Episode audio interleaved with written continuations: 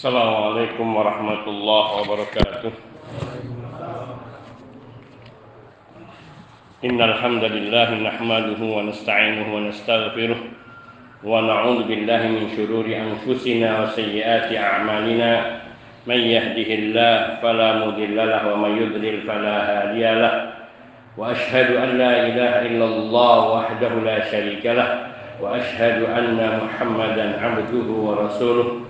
صلوات الله وسلامه عليه وعلى آل بيته وأصحابه والتابعين ومن تبعهم بإحسان إلى يوم الدين. أما بعد أخواني في الدين أعزني الله وإياكم جميعا رحمني ورحمكم فإن أحسن الكلام كلام الله سبحانه وتعالى وخير الهدي هدي محمد صلى الله عليه وآله وسلم وشر الأمور محدثاتها فإن كل محدثة بدعة وكل بدعة ضلالة وكل ضلالة في النار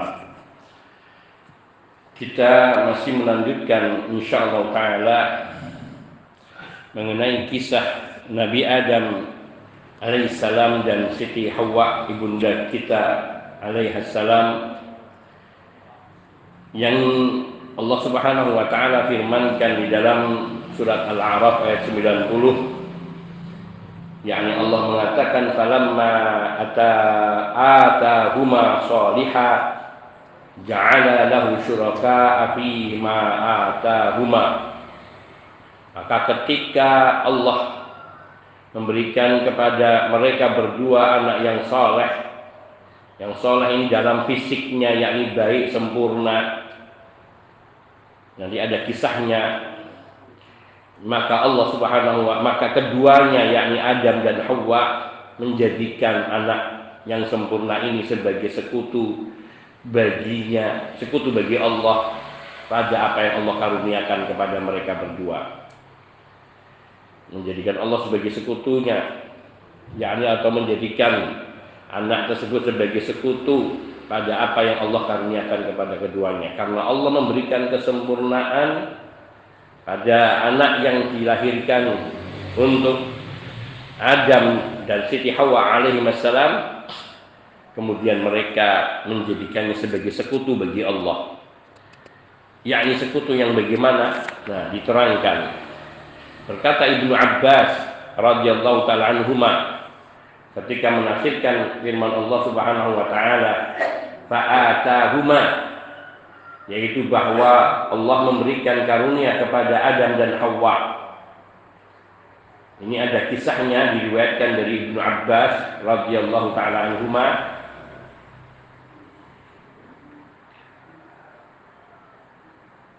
Berkata iblis membujuk rayu kepada Nabi Adam dan Siti Hawa. Ini cara iblis menyesatkan manusia sampai menyesatkan orang tua kita Nabi Adam dan Siti Hawa alaihi wassalam. Itu dengan kata-kata yang lembut indah. Itu dulu menyesatkan di surga. Sehingga mereka berdua keluar dari surga ini datang lagi iblis kepada Adam dan Hawa. Ini namanya manusia. Meskipun sudah pernah dibohongi. Ini kalau datang lagi dengan bahasa yang baik santun, mau juga dibohongi lagi. Maka kita itu kadang tertipu sampai dua tiga kali. Jadi jangan heran. Karena itu watak manusia mudah ditipu. Tapi hakikatnya lazimnya kata Nabi la yuldagul mu'min fi juhrin wahidin marratain. Tidak patut bagi seorang mukmin untuk terjatuh di dalam satu kesalahan yang sama sampai dua kali. Artinya tidak patut, tidak lazim, tidak baik. Di sini pun demikian. Apa yang dikatakan iblis kepada Nabi Adam dan Hawa alaihi wassalam. Qala inni sahibukum alladhi akhrajakuh akhrajakum minal jannah. Aku ini sahabatmu dulu yang menyebabkan kamu keluar dari surga.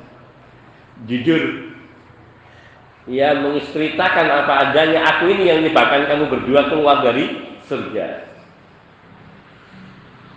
ini adalah yang kisah yang diceritakan oleh Allah Azza wa Jalla dalam kitab sucinya bagaimana syaitan itu mem merayu membisiki Nabi Adam alaihissalam tatkala Allah telah mengharamkan kepada Nabi Adam untuk tidak makan buah dari sebuah pohon tertentu di dalam surga.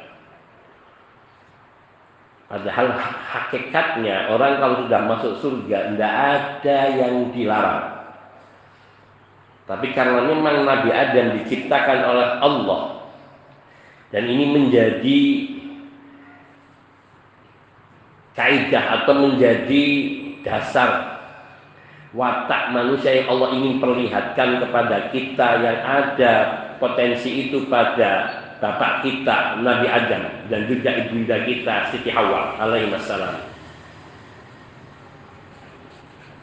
Allah haramkan satu pohon bukan karena untuk karena pohon itu akan membahayakan secara fisik.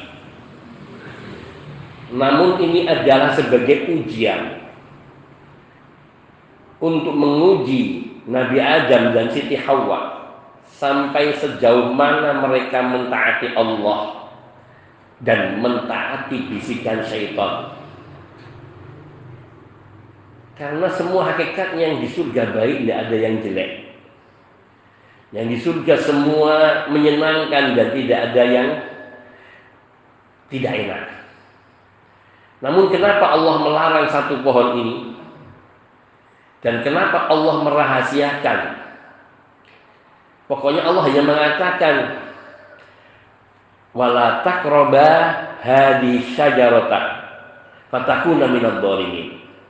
Jangan kamu berdua mendekati pohon ini. Termasuk maksudnya adalah mengambil buah dari pohon ini sehingga kalian berdua akan terjatuh ke dalam golongan orang-orang yang zalim. Allah hanya memperingatkan kalau kamu makan kamu jadi dolim. Dan mengisyaratkan kepada dolimin telah ada orang telah ada makhluk-makhluk yang dolim sebelumnya. Yaitu mereka makhluk yang pernah diciptakan oleh Allah memakmurkan bumi dan mereka berbuat dolim. Karena tidak ada manusia selain Nabi Adam dan Siti Hawa saat itu. Atau makna kedua bahwa sudah menjadi sifat manusia atau apa yang dikatakan oleh Allah untuk memakmurkan bumi banyak di antara mereka yang telah akan berbuat zalim. Wala taqrabu hadhihi syajarata fatakuna minadh dhalimin. Fa'azallahuma asyaitanu 'anha fa akhrajahuma mimma kana. Syaitan iblis menggelincirkan keduanya sehingga mereka berdua dikeluarkan oleh Allah dengan sebab iblis. Sehingga seolah-olah iblislah yang mengeluarkan mereka berdua dari surga yang dulu ditempatinya. Mimma kana pengalaman dulu manusia ini juga yang kedua. Masumnya insanu illa tidaklah disebut manusia itu dengan insan melainkan karena banyak lupanya. Bagaimana dulu si iblis ini menyesatkan Nabi Adam dan Siti Hawa alaihi wassalam sehingga mereka berdua turun ke bumi. Ini datang sekali lagi, apa mestinya sikap kita? Sikap manusia seolah-olah lupa bahwa ini iblis telah menyesatkannya, menyebabkan dia keluar dari surga. Yang bahasanya dulu ketika menyesatkannya pun indah sekali.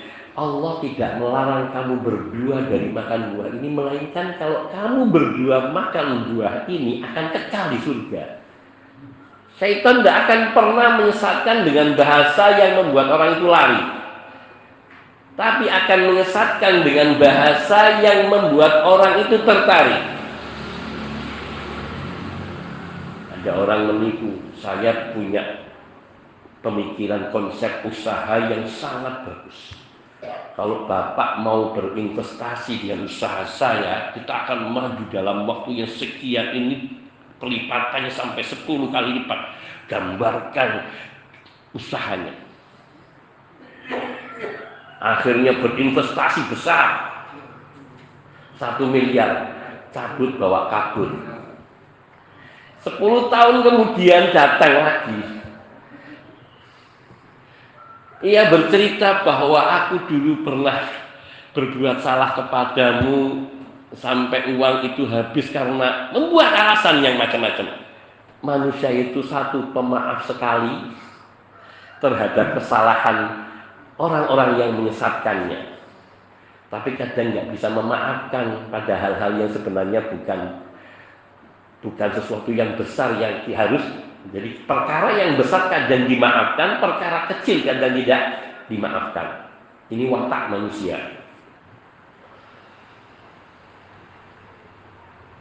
Sampai akhirnya iblis pun datang lagi.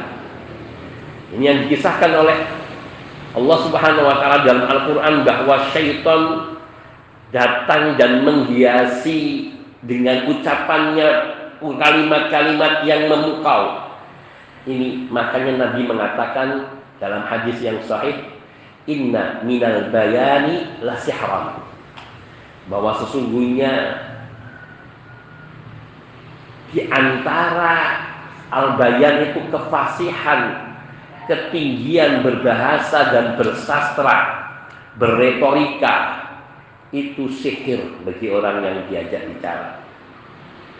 Kalau kita mendengar orang pandai berbicara bersyair, apalagi sampai ya ini biasanya kaum wanita yang suka tertipu oleh laki-laki hidung belang yang pandai merayu.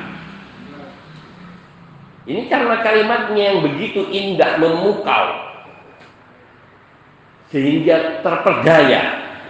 Makna sihir di sini adalah kesihir terperdaya.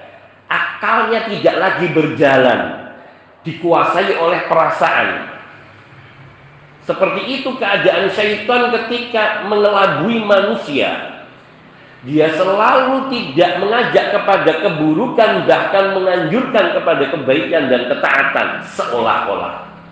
Tapi hakikatnya dia sedang menuntunnya kepada kesesatan dan jurang kenistaan. Singkat cerita sudah kita bagaimana Nabi Adam alaihissalam dengan Siti Hawa sampai jatuh.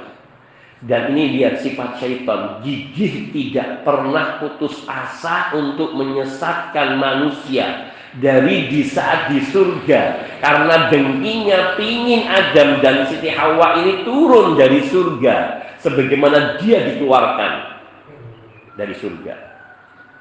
Ada yang mengatakan bahwa iblis ketika dikeluarkan belum keluar mutlak karena dia masih bisa bolak-balik ke surga.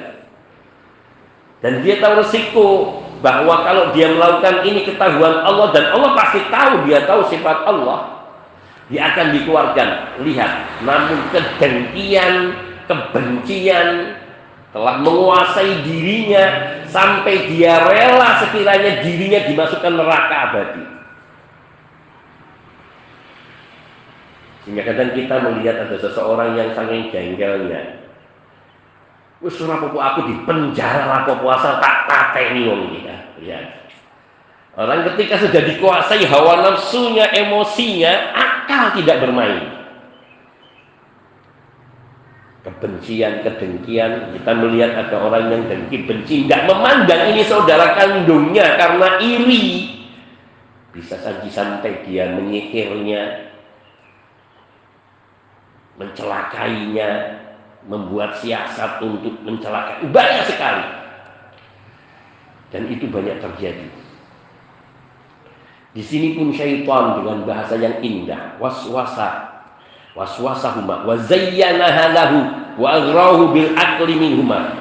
Dibujuk, dirayu, ditolak pertama kali oleh Nabi Adam alaihissalam dengan Siti Hawa. Tidak, aku takut dengan ancaman siksa Allah bujuk rayu dengan cara yang lain. Terus sampai akhirnya Nabi Adam alaihissalam dan Siti Hawa pun terperdaya. Sehingga akhirnya keduanya mendurhakai Allah dan mau memakan buah kuldi. buah yang mungkin sering kita sebut buah khuldi karena syaitan mengatakan tidaklah Allah melarang kalian berdua dari memakan kedua memakan pohon ini selain karena ke pohon ini akan kalau kalian makan buah pohon ini maka kalian akan kekal di surga. Kalau tidak kalian nanti akan dikeluarkan. Ini iblis. Maka kemudian terjatuhlah musibah yaitu dikeluarkannya mereka dari surga dengan sebab itu. Diturunkan ke bumi akan tapi Adam dan Hawa alaihissalam mau bertobat kepada Allah dan Allah pun menerima tobat mereka berdua. Sedangkan iblis ketika dikeluarkan diturunkan dari surga ia justru dendam kepada Adam dan Hawa alaihissalam. Sehingga mengatakan Rabbi andirni ila yaumi yub'atsun wahai Rabbku tangguhkan kematianku sampai hari berbangkit dan aku akan tipu daya dan aku akan rayu aku akan bujuk dan aku akan sesatkan dari anak keturunan Adam. Dan sedikit sekali yang kamu akan dapati dari mereka yang mau bersyukur. Wa qalilun min ibadiyasy syakur maka lihat kedengkian kebencian yang menguasai diri iblis dan itu adalah gambaran dari kedengkian dan kebencian seseorang kepada saudaranya. Kadang berlanjut sampai akhir hayat. Kalau kita lihat orang-orang yang sudah bermain sihir itu begitu sihirnya ditangkal dia akan membuat sihir yang baru untuk terus membinasakannya namun semua tidak akan terjadi. Wa hum bidarrina bi min ahadin illa tidak ada sihir yang bisa mencelakai seseorang kecuali semuanya dengan izin Allah. Maka di sini Allah mengampuni keduanya. Namun iblis tidak mau bertaubat kepada Allah bahkan durhaka sampai meminta ditangguhkan umurnya sampai akhir. Bukan untuk bertobat tapi untuk berbuat kemaksiatan dan menyesatkan anak keturunan Nabi Adam alaihissalam kita semua. Padahal pernah dikisahkan di zaman Nabi Musa alaihissalam saat Nabi Musa berjalan menuju. Ada sebuah riwayat menceritakan Nabi Musa menuju Tursina memenuhi panggilan Allah dicegat oleh iblis di satu tempat mengatakan wahai Musa tolong sampaikan tanyakan hal ini kepada Allah. Apakah sekiranya aku bertaubat Allah akan mengampuni dosaku? Baik. Pertanda baik. Iblis sudah mau bertobat Berangkatlah Nabi Musa alaihissalam menemui Allah sampai Allah memberikan wahyu. Kemudian Nabi Musa menyampaikan pesan iblis. Kata Allah, ya, saya akan terima tobatnya. Maka pulanglah Nabi Musa alaihissalam di tengah jalan dihadang oleh iblis yang sangat ingin tahu bagaimana berita tentang pesannya tadi dari Allah. Maka Nabi Musa mengatakan bahwa Allah telah aku sampaikan pesanmu kepada Allah dan Allah berfirman bahwa Allah akan mengampuni kamu menerima taubatmu. Bergembira iblis. Kemudian Nabi Musa mengatakan melanjutkan tapi ada syaratnya. Oh apa syaratnya? Cuma satu. Apa syaratnya? Sampaikan kepadaku akan aku lakukan. Ini iblis suka janji tapi suka ingkar. Kata iblis, kata Nabi Musa alaihissalam, Allah hanya memerintahkan satu hal untukmu dan Allah akan menerima tobatmu. Apa itu? Apa? Kau datangi kuburnya Nabi Adam dan kau sujud di depan kuburnya mencak-mencak itu iblis bahasa kita ini bahasa saya mencak-mencak ngamuk marah-marah besar apa yang dikatakan iblis sebagai ungkapan marahnya Celaka kau. Bagaimana mungkin aku bersujud kepadanya setelah dia mati? Dulu di saat dia masih hidup pun aku tidak mau bersujud. La ilaha illallah. Kedengkian, kebencian, kesombongan menyatu di dalam diri iblis. Sehingga dia memilih neraka dan tidak diampuni dosanya oleh Allah daripada harus menunaikan perintah Allah. Padahal sujudnya dia salah memahami di sini. Bahwa orang yang salah memahami konteks syariat itu sering kali seperti ini. Jangan melihat apa yang harus dia lakukan, tapi lihatlah siapa yang memerintahkannya. Ini Allah yang memerintahkannya untuk bersujud kepada Nabi Adam. Jangan melihat sikap sujudnya ketika perintah itu datangnya dari Allah tunaikan dan pasti Allah akan memberikan kebaikan. Nabi Ibrahim alaihissalam datang mimpi dalam berupa mimpi perintah dari Allah menyembelih anaknya yang tunggal yang dicintainya. Dan itu berulang kali sehingga mantap yakin bahwa ini datangnya dari Allah maka tanpa berpikir panjang ketika itu diyakini datangnya dari Allah. Disuruh menyembelih anaknya. Karena ujian Allah itu tak terduga. Siapa yang rela anaknya disembelih padahal anak itu dia sayangi dia cintai dan siapa yang sanggup melakukannya kalau itu bukan orang yang betul-betul menjadi kekasih Allah Namun lihat, ketika dia menunaikan dengan ikhlas, ikhlas dan yakin ini adalah perintah dari Allah tanpa harus memikirkan akibatnya karena dia tahu bila Allah yang memerintahkan pasti adalah sesuatu yang hak yang baik. Maka ketika hendak ditunaikan perintah Allah, Allah tahan dan Allah gantikan Nabi Ismail dengan domba. Karena Allah ingin menguji hambanya Di sinilah maka Nabi, Nabi Ibrahim alaihissalam mendapati kedudukan Khalilullah di samping yang lainnya. Maka ini Ibrah Beda dengan iblis yang dia ketika mau melaksanakan perintah dia lihat esensi perintah dan bukan siapa yang memerintahkan. Maka di sini pelajaran kalau ada perintah dari Allah maka jangan berpaling jadi apa yang Allah firmankan, lakukan apa yang Allah firmankan karena pasti berakibatkan kebaikan. Karena Allah tidak akan membuat syariat dan menentuk menetapkan syariat sesuatu yang akan mendolimi hambanya. Tidak akan. Karena semua itu ujian. Kemudian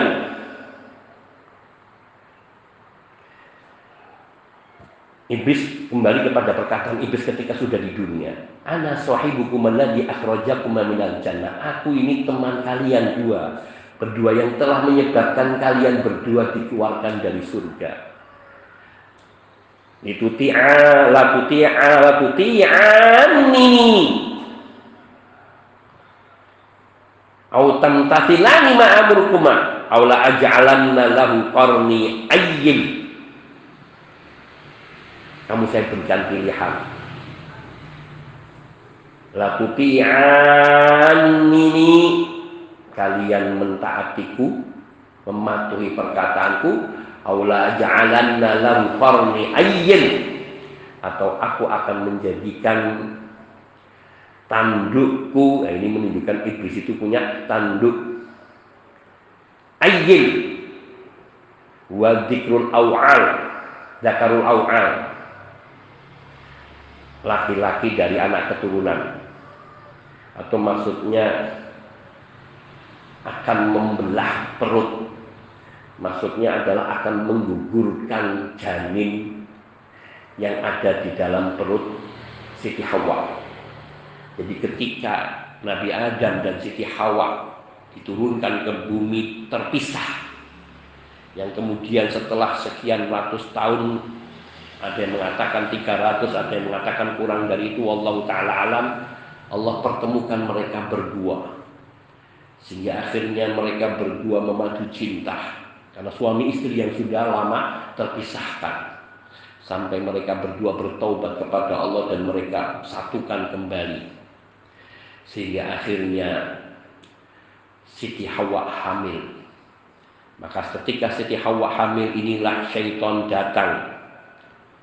Allah ja'alan ja'alan lahu farni ayyin. Atau aku akan jadikan yakni tandukku yang akan menusuk anak keturunan. Ini syaitan selalu menakut-nakuti kita. Oh kamu meninggalkan perbuatanmu ini celaka kau. Nasibmu buruk. Oh kau kalau sampai kau tidak melakukan ini wah kau bakal celaka kau bakal ini. Satu contoh buah hati kita sakit sudah kita bawa ke dokter kita obati dengan syar'i tidak sembuh-sembuh ada bisikan ini hanya ada satu jalan. Kau bawa ke tempat mbah ini, mbah fulan, dukun ini, dukun itu. Lihat, kalau enggak anakmu mati. Anakmu mati. Itulah syaitan yang selalu menakuti auliaan. Selalu membuat ketakutan melalui bisikan-bisikan orang-orang yang menjadi utusannya. Sehingga banyak manusia yang ter dia mampu tidak berbuat kesyirikan karena penolakan namun ketika diuji dalam orang-orang yang kita cintai pada orang-orang yang kita cintai kadang manusia itu tidak tahan tidak tega saya melihat penderitaannya betul. Tapi di situ ujian yang besar dari Allah. Naudzubillah mudah-mudahan kita dijauhkan ujian yang besar serupa ini. Tapi ini yang ini terjadi. Fayakhruju min batnika fayashuqqahu sehingga nanti anak yang lahir darimu tidak akan aku beri kesempatan untuk hidup yakni aku akan keluar dari perutmu. Fayakhruju min batniki fayashuqqahu yakni bikornaihi maka syaitan iblis itu akan membelahnya menusuknya dengan dua tanduknya. Wala af'alanna. Dan pasti aku akan melakukan itu kata iblis. Menakuti keduanya. Berbagai ancaman-ancaman serang pikiran bayangan-bayangan buruk itu dimasukkan ke dalam hati hamba ketika dia terus mentaati Allah namun Nabi Adam dan Siti Hawa tidak goyah dan tidak mematuhi musuh mereka berdua masih ingat Kau dulu yang menyebabkan aku keluar. Masa aku harus percaya denganmu? Maka fakharaja mayyitan wa hadza min babil imtihan wal ibtila min Allah. Maka lahirlah sang anak namun sudah mati. Dan ini adalah ujian serta cobaan dari Allah untuk Nabi Adam dan Siti Hawa. Ini kisahnya gimana? yaitu dikasahkan aku ini temanmu yang dulu mengeluarkanmu dari surga sekarang kamu berdua mau taat kepadaku atau kalau tidak mau taat maka aku akan jadikan kedua korni dua tandukku ini yakni untuk menusuk atau membunuh anak keturunan fayakhruju min batnika fayashqahu fayashqahu atau sehingga nanti anak mulahir dari dirimu dan tanduk ini akan membunuhnya, membelahnya. Takut-takuti Nabi Adam. Namun dikatakan Samiyau Abdul Haris. Kamu kalau kamu tak patuh sama aku, kalau anakmu lahir kau beri nama Al Haris, maka ia akan selamat. Fa'abaya ayuti'ahu namun Nabi Adam dan Siti Hawa menolak untuk mentaati iblis. Akibatnya fakharaja mayyitan. lahirlah anak Nabi Adam dan kemudian mati karena tidak mau memberi nama Abdul Haris ini mengapa ada kisah sampai dilarangnya memberi nama Abdul Haris ini hanya satu tema tapi ini menjadi kaidah Summa Kemudian hamil lagi Nabi uh, Siti Hawa. Fa'atahuma datang lagi si iblis. Faqala mitra kaulihi masih mengulangi perkataan dulu kalau kamu mau turut sama aku beri nama anakmu ini Abdul Haris dan sungguh dia akan menjadi anak laki-laki. Kau beri nama dia Abdul Haris dan dia akan selamat. Namun kalau enggak dia akan mati. Fa'abaya masih patuh taat inilah. Kadang ujian itu berat. Jadi kalau orang sudah lulus satu ujian bukan berarti kemudian setelahnya selesai Manusia hidup di dunia sepanjang hayatnya masih akan terus berhadapan dengan cobaan dan ujian. Ayuti'an. Maka keduanya menolak mentaati iblis. Fakhara jamayitan kemudian melahir, kemudian mati karena tidak diberi nama Abdul Haris. Summa hamalat fa'atahuma datang yang ketiga kali kepada Nabi Adam dan Hawa ini si iblis Fadzakara lahuma fa adrakahuma hubbul walad. Fasammayahu Abdul Haris. Lalu diceritakan lalu disampaikan lagi seperti perkataan pertama dan kedua.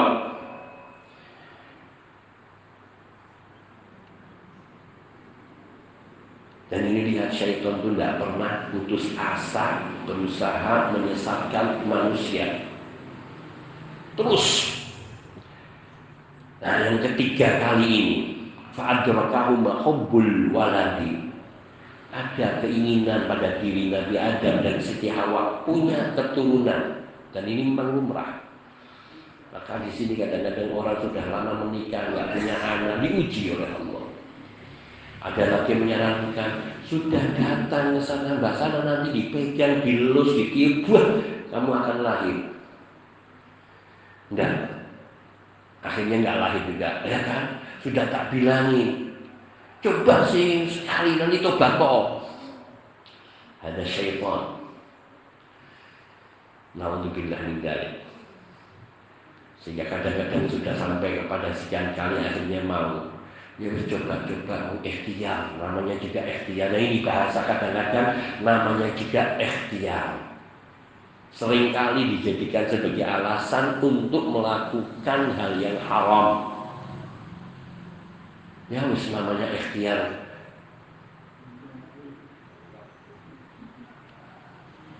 Ini hal yang patut untuk kita ambil pelajaran. Ikhtiar harus dengan cara yang benar.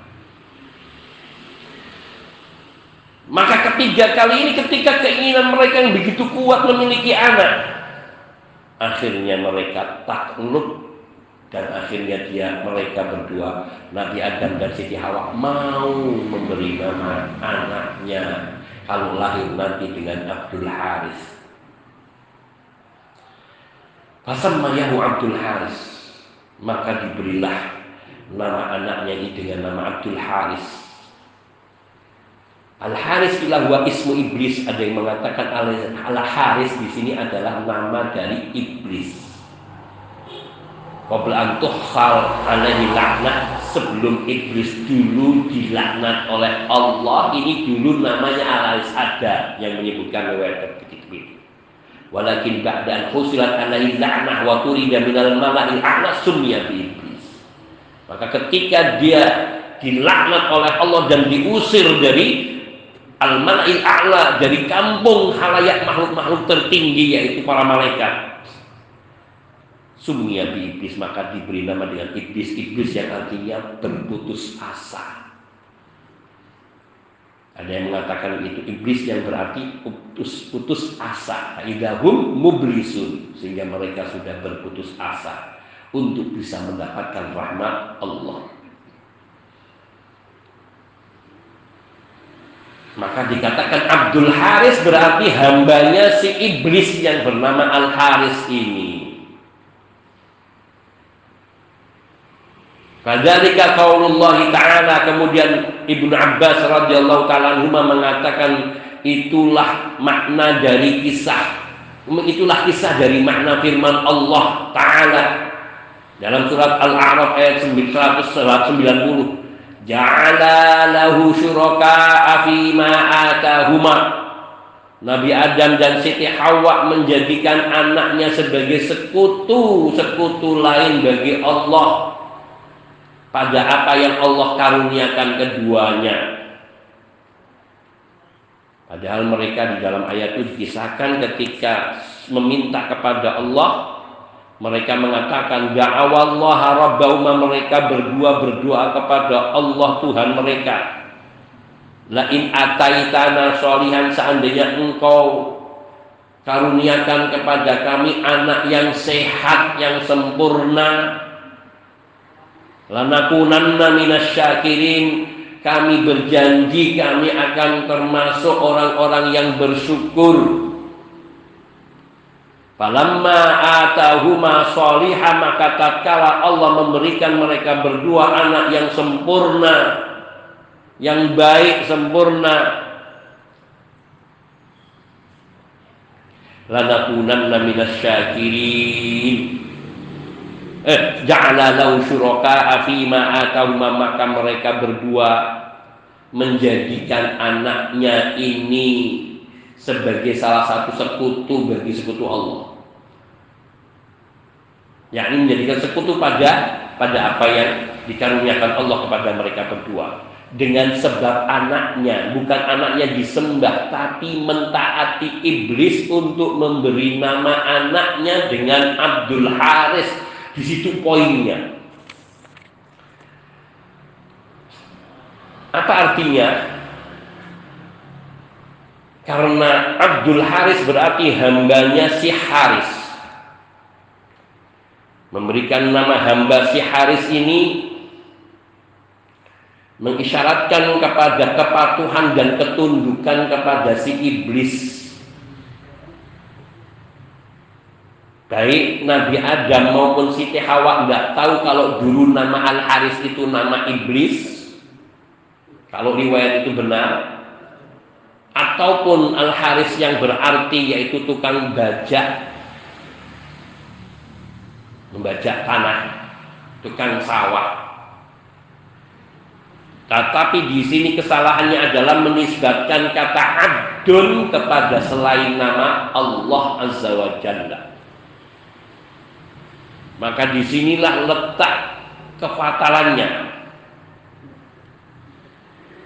Maka di sini pula yang harus menjadi pelajaran bagi kita dan maksud daripada dicantumkannya kisah ini dari ayat ini di dalam bab tauhid yaitu agar kita menutup setiap celah yang dapat menjatuhkan kita kepada kesyirikan atau jalan menuju kesyirikan. Padahal Nabi Adam dan Siti Hawa tentu tidak akan menyembah anaknya dan tidak pula menyembah iblis. Namun ketika kecintaan keduanya ingin mendapatkan anak yang hidup, maka dia mentaati, mematuhi perkataan iblis yang menganjurkan mereka berdua memberi nama anaknya dengan Abdul Haris yang diriwayatkan Al-Haris ini adalah nama dari iblis sebelum dia dilaknat oleh Allah dan dikeluarkan dari surga. Dan inilah tafsir ayat itu mereka berdua menjadikan yakni bagi Allah sekutu-sekutu pada apa yang Allah karuniakan kepada mereka berdua. Warawahu ibnu Abi Hatim. Ibnu Abi Hatim juga meriwayatkan hal ini bisanadin sahihin an Qatadah dari dengan sanad yang sahih dari riwayat Qatadah syuraka fi ta'ati wa lam yakun fi ibadatihi bahwa Nabi Adam alaihissalam menjadikan sekutu bagi Allah yakni iblis menjadikan iblis sekutu bagi Allah karena mentaati iblis dan bukan karena beribadah kepada iblis. Maka ini termasuk ke dalam makna syirkut ta'at, syirkun asghar la yukhriju minal millah ini adalah kesyirikan dalam hal ketaatan. Dan ini termasuk syirik kecil yang tidak menyebabkan pelakunya keluar dari Islam. La siyama wa annahuma lam yaf'ala hadza qasdan lil makna apalagi Nabi Adam dan Siti Hawa mereka berdua tidaklah melakukan yakni memberi nama anak ini karena mengetahui maknanya. Atau karena bermaksud seperti pada makna nama yang diberikan Abdul Haris.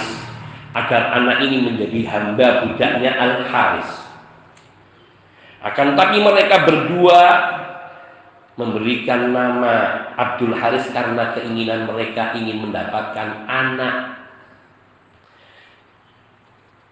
dari kehamilan yang ketiga ini. Dan ingin anaknya selamat sampai mentaati iblis. Maka dia memberi nama dengan nama Abdul Haris dan itu menjadi sekutu bagi Allah karena menjadikan selain Allah sebagai sebutan. Pada kata Abdul jadi tidak boleh memberikan nama Abdul selain dengan nama Allah Azza wa Jalla maka di sinilah kesyirikan itu meskipun manusia itu tidak ingin saya datang bertawasul kepada ahli kubur, saya tidak ingin menyembahnya, saya hanya ingin menjadikannya sebagai wasilah karena mereka orang soleh. Tetap saja perbuatan yang telah ditetapkan syariat sebagai perbuatan syirik itu adalah syirik, meskipun dia tidak bermaksud melakukan kesyirikan. Ini kaidah lain. Dan mencarikan kesyirikan itu baik kecil maupun besar telah dihukumi oleh Allah dan Rasulnya sebagai sebuah kesyirikan. Karena kesyirikan kecil itu dapat menghantarkan pelakunya kepada kesyirikan besar. Ketika dia datang bertawasul kepada ahlul kubur, kemudian diuji oleh Allah, dituruti, dipenuhi semua keinginannya, apa yang menjadi harapannya terpenuhi, pulang dagangannya laris. Dia kisahkan betul-betul manjur, sudah bukan lagi wasilah tapi sudah meyakini bahwa yang didatangi itulah yang menyebabkan dirinya sukses dalam usahanya. Maka syirik kecil jangan diremehkan karena dia yang akan menghantarkan kepada syirik besar. Sehingga Nabi Shallallahu Alaihi Wasallam pernah ketika ada orang mengatakan kepada Nabi, Masya Allah wa terserah Allah dan engkau ya Rasul. Maka jawaban Nabi aj'altani niddan lillah aj'altani lillah dan apakah engkau menjadi, tidak menjadikan aku sebagai sekutu bagi Allah? Apakah engkau tidak menyekutukan aku dengan Allah? Padahal yang mengatakan itu tidak bermaksud ingin menjadikan Nabi sebagai sekutu, namun ucapan yang ringan itu bisa menjatuhkan kepada perkara yang besar yaitu kesyirikan maka dilarang menggunakan kata-kata ini namun kata itu diajarkan oleh Nabi Masya Allah Thumma syita. Karena kata thumma menunjukkan perbedaan tingkatan. Demikian pula dengan kata wa yang bermakna sejajar setara taswiyah. Maka di sini ada bantahan terhadap orang yang suka mengatakan man qala kalimat syirki aw fi'la syirki la yuhkamu alaihi annahu musyrikun hatta ya'taqidu biqalbi. Orang yang mengucapkan kalimat syirik atau melakukan perbuatan syirik tidak dihukumi dia musyrik. Hatta ya'taqidu sampai dia meyakini bahwa inilah yang menyebabkan dirinya. Ini perkataannya orang murjiah di zaman ini. Tidak apa-apa tawasul kepada ahli kubur. Pokoknya niatnya mintanya kepada Allah. Ini bantahannya tadi. Orang itu mengatakan, sahabat Nabi mengatakan kepada Nabi, Masya Allah wa. Terserah Allah dan engkau. Hanya dengan perkataan dan engkau. Namun Nabi sudah memarahinya dan mengatakan, Aja'al tani lillahi dan Apakah engkau hendak menjadikan aku sebagai sekutu Allah? Padahal ini dipandang sesuatu yang remeh. Ya gampangnya kita mengatakan, ya Allah, untung ada kamu, kalau tidak ada kamu celaka saya. Ini kalimat tidak dimaksudkan bahwa dia yang bisa menyelamatkan dari ancaman kebinasaan. Namun perkataan itu sudah menghapuskan kesempurnaan tauhidnya, menghilangkan kesempurnaan tauhidnya atau mengurangi ketauhidannya. Dan dikhawatirkan bisa-bisa sampai kepada syirik besar. Seperti seorang yang mengatakan, nak kau tahu ini bapak ini dulu yang menyelamatkan bapakmu. Kalau tidak karena bapak ini dulu, bapakmu ini sudah mati, tidak ada kamu. Lihat, menjadikannya sebagai Tuhan yang menyelamatkannya. Padahal ia tidak bermaksud mengatakan itu bahwa dialah yang menyamakannya. Namun kalimat itu sendiri sudah kalimat kubur, kalimat syirik. Dan betapa banyaknya ucapan-ucapan serupa terutama pada kalimat-kalimat syair sehingga bagaimana kita melihat para penyair membuat syair-syair pujian kepada Nabi yang menyanjung-nyanjung Nabi sampai mensifati Nabi dengan sifat-sifat yang ada pada Allah. Dan dengan sebab itu mereka sudah bukan syirik kecil lagi, tapi syirik akbar. Namun itu justru yang laku dan banyak dihafal bahkan menjadi lagu wajib. Padahal Nabi telah mengajarkan bahasa solawat dan pujian kepada Nabi yang sempurna yang itu datangnya dari Allah.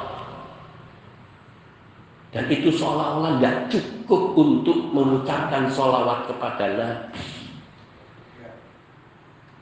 Kenapa kita memilih perkataan yang bukan dari Nabi dan meninggalkan perkataan dari Nabi? Mengapa kita membuang berlian permata dan kita mengambil tai? Karena ucapan-ucapan yang mengandung kesyirikan seperti sholawat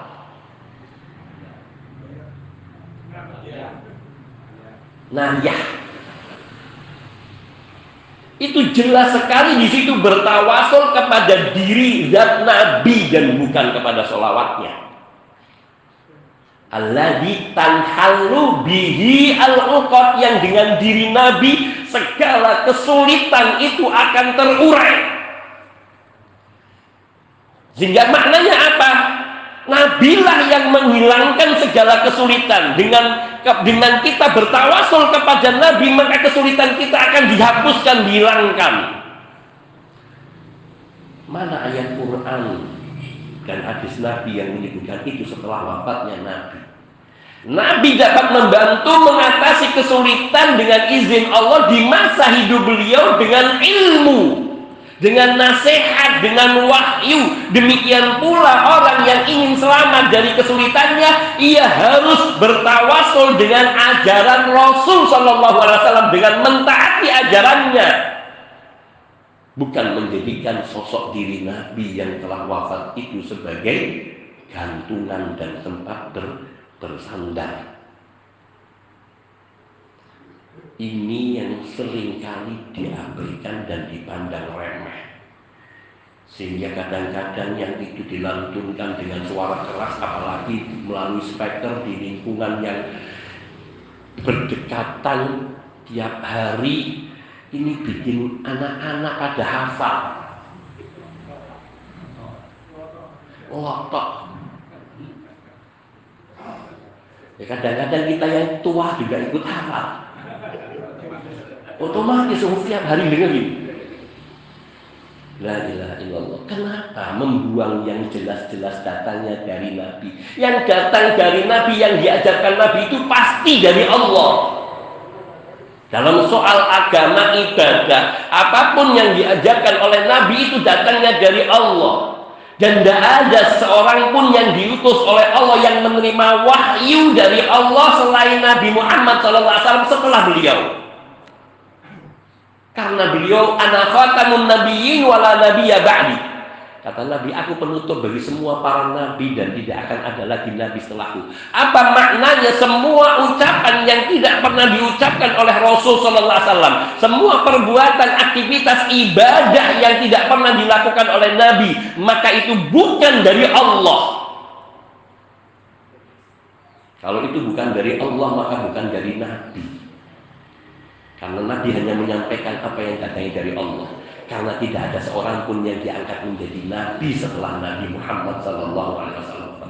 Sangat jelas, sangat gamblang, masuk akal karena itulah yang diingindaki oleh Allah Subhanahu wa taala. Namun sayang kebanyakan dari kita lengah lalai sehingga memandangnya remeh padahal ini perkara besar. Ingat begitu banyaknya dalil Satu kitab yang kita pelajari Semua itu menjadi dalil bagi hal-hal yang seperti itu. Kesyirikan itu bisa terjadi karena cinta Karena ketaatan Karena ketakutan. Bertawakal kepada selain Allah Itu juga bisa menjatuhkan Itu menjatuhkan kesyirikan sama ketika berdoa di kuburan fulan dan meyakini si fulan yang di dalam kubur ini bisa membantunya, ini bersandarnya bukan kepada Allah namun kepada yang ada di dalam kubur. Kenapa tidak langsung meminta kepada Allah dat yang maha mendengar? Sami'un. Alimun yang maha mengetahui segala apa yang menjadi harapan kita. Bahkan Allah sudah sering memberi apa yang belum kita ucapkan dan Allah sering pula mengabulkan apa yang baru terbersih di dalam hati dan belum sempat kita ucapkan. Kerentaklah hati ya Allah, aku ingin dong asing. Datang orang ke rumah, Assalamualaikum, Waalaikumsalam, wonten kok niki wonten oleh-oleh sanging berbes dong asing, la ilaha illallah. Belum dia meminta, hanya kerentak di dalam hati. Allah maha mendengar, Allah maha mengetahui, Allah maha kuasa, Allah maha kaya yang telah menciptakan surga dengan segala keindahannya. Apalagi untuk memberi dokter sintok. Sangat mudah. Kenapa kok memintanya kepada selain Allah? Tidak ada yang sulit buat Allah. Tidak ada yang sulit buat Allah untuk mengabulkan sebesar apa pun permohonan kita selama itu dengan cara yang benar. Inilah akhirnya bahwa kita selalu diperintahkan untuk selalu mendalami tauhid, mempelajari tauhid sampai ke akar-akarnya sehingga kita mengetahui persis seperti apa yang diajarkan oleh Nabi dan Allah Subhanahu wa taala sehingga kita terhindar dari kesyirikan baik kecil maupun besar. Dengan terhindar dari kesyirikan maka sungguh itu tauhid itu adalah pintu surga. Miftahul jannah. Karena pengamalan kalimat la ilaha illallah itu adalah dengan memahami tauhid sedetailnya, sedalam-dalamnya, serinci-rincinya dan mengetahui lawan tauhid yakni segala pintu kesyirikan. Karena tanpa kita mengetahui pintu-pintu kesyirikan, kita tidak akan bisa sempurna mengamalkan tauhid. Sebab ketika kita tidak tahu ada logam depan kita, kita akan tergelincir dan terjatuh. Itu ibaratnya ketika kita tidak tahu kesyirikan, kita tahunya itu tauhid. Karena sungguhnya semua umat Islam meyakini bahwa tauhid adalah jalan keselamatan. Namun tidak semua mereka tahu apa itu tauhid dan lawannya yang akan menyempurnakan tauhid itu yaitu kesyirikan. Araftu syarra la syarri walakin litawaqqihi. Kata seorang penyair, aku tidaklah mengetahui mempelajari tentang keburukan, kejahatan kecuali agar aku selamat dari kejahatan itu. Kalau kita tahu siasat-siasat penjahat, maka kita akan mewaspadai diri untuk tidak terjerumus ke dalam perangkapnya. Di sini penjahatnya adalah iblis syaitan yang ingin selalu menyesatkan kita kepada kesyirikan dan kekufuran. Sungguh inilah yang harus kita pelajari wa insya Allah kita lanjutkan bahasanya pada masa mendatang ini saja barangkali ada pertanyaan wassalamualaikum nabiyina Muhammad wa alihi wa sahbihi ajma'in walhamdulillah alamin ada pertanyaan ya monggo ya kadang-kadang orang nanti juga punya kontak Iya. tidak baik. Iya. Tapi kalau belum diamalkan, apa kira-kira ini juga ada termasuk terjerumus? Enggak, selama itu masih dalam hati dan belum terucap ataupun belum belum diamalkan maka tidak dijadikan anggapan dosa. Karena setiap manusia ada bisikan dan apa yang dalam hati itu masih bisikan dari syaitan, maka kalau kita turuti baru kita terjatuh kepada dosa itu. Namun kalau tidak maka insya Allah sebagaimana kata Nabi selama belum dilakukan maka tidak dihitung dosa. Namun niat baik sudah dicatat satu kebaikan itu bedanya. Niat buruk belum dicatat sampai dia melakukannya. Ada yang lain? kalau yang biasa diceritakan itu kan anak kegiatan mobil dan mobil itu juga. Nah ini Abdul Haris itu yang mana Pak? Ini yang termasuk pertama hidup.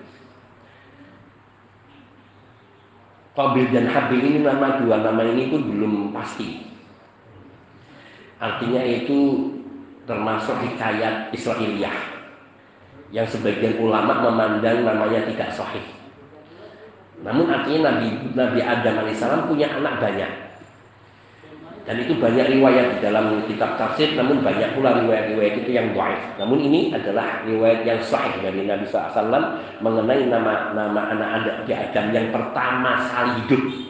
Karena yang pertama gugur, kedua bukan gugur mati, yang kedua tidak mati, yang ketiga inilah yang kemudian hidup karena memberi nama dengan Abdul Haris. Seolah-olah keselamatannya hidupnya adalah dengan memberi nama Abdul Haris. Allah Ta'ala. Alas, mungkin saja yang dapat saya sampaikan. Semoga Allah Subhanahu wa taala senantiasa membimbing kita, menuntun kita untuk selalu meniti jalan tauhid, jalan sunnah dan menjauhkan kita dari segala bentuk kesyirikan, kekufuran, kemunafikan, kebid'ahan dan mematikan kita dengan keadaan husnul khatimah. Dan semoga Allah menjadikan Ramadan ini Ramadan terbaik buat kita. Diterima seluruh amal ibadah kita, puasa kita, sholat kita, tilawah kita, sodakoh kita, dan segala amal soleh yang kita kerjakan. Semoga itu semua menjadi sarana dan jalan menuju Allah. Tabaraka wa ta'ala Rabbana taqabbal minna innaka antas samiul alim wa tub alaina innaka tawwabur rahim wa sallallahu wa sallam ala nabiyyina Muhammadin wa alihi wa sahbihi ajma'in walhamdulillahi rabbil alamin. Subhanakallahumma bihamdika asyhadu an la ilaha illa anta astaghfiruka wa atubu ilaik. Assalamualaikum warahmatullahi wabarakatuh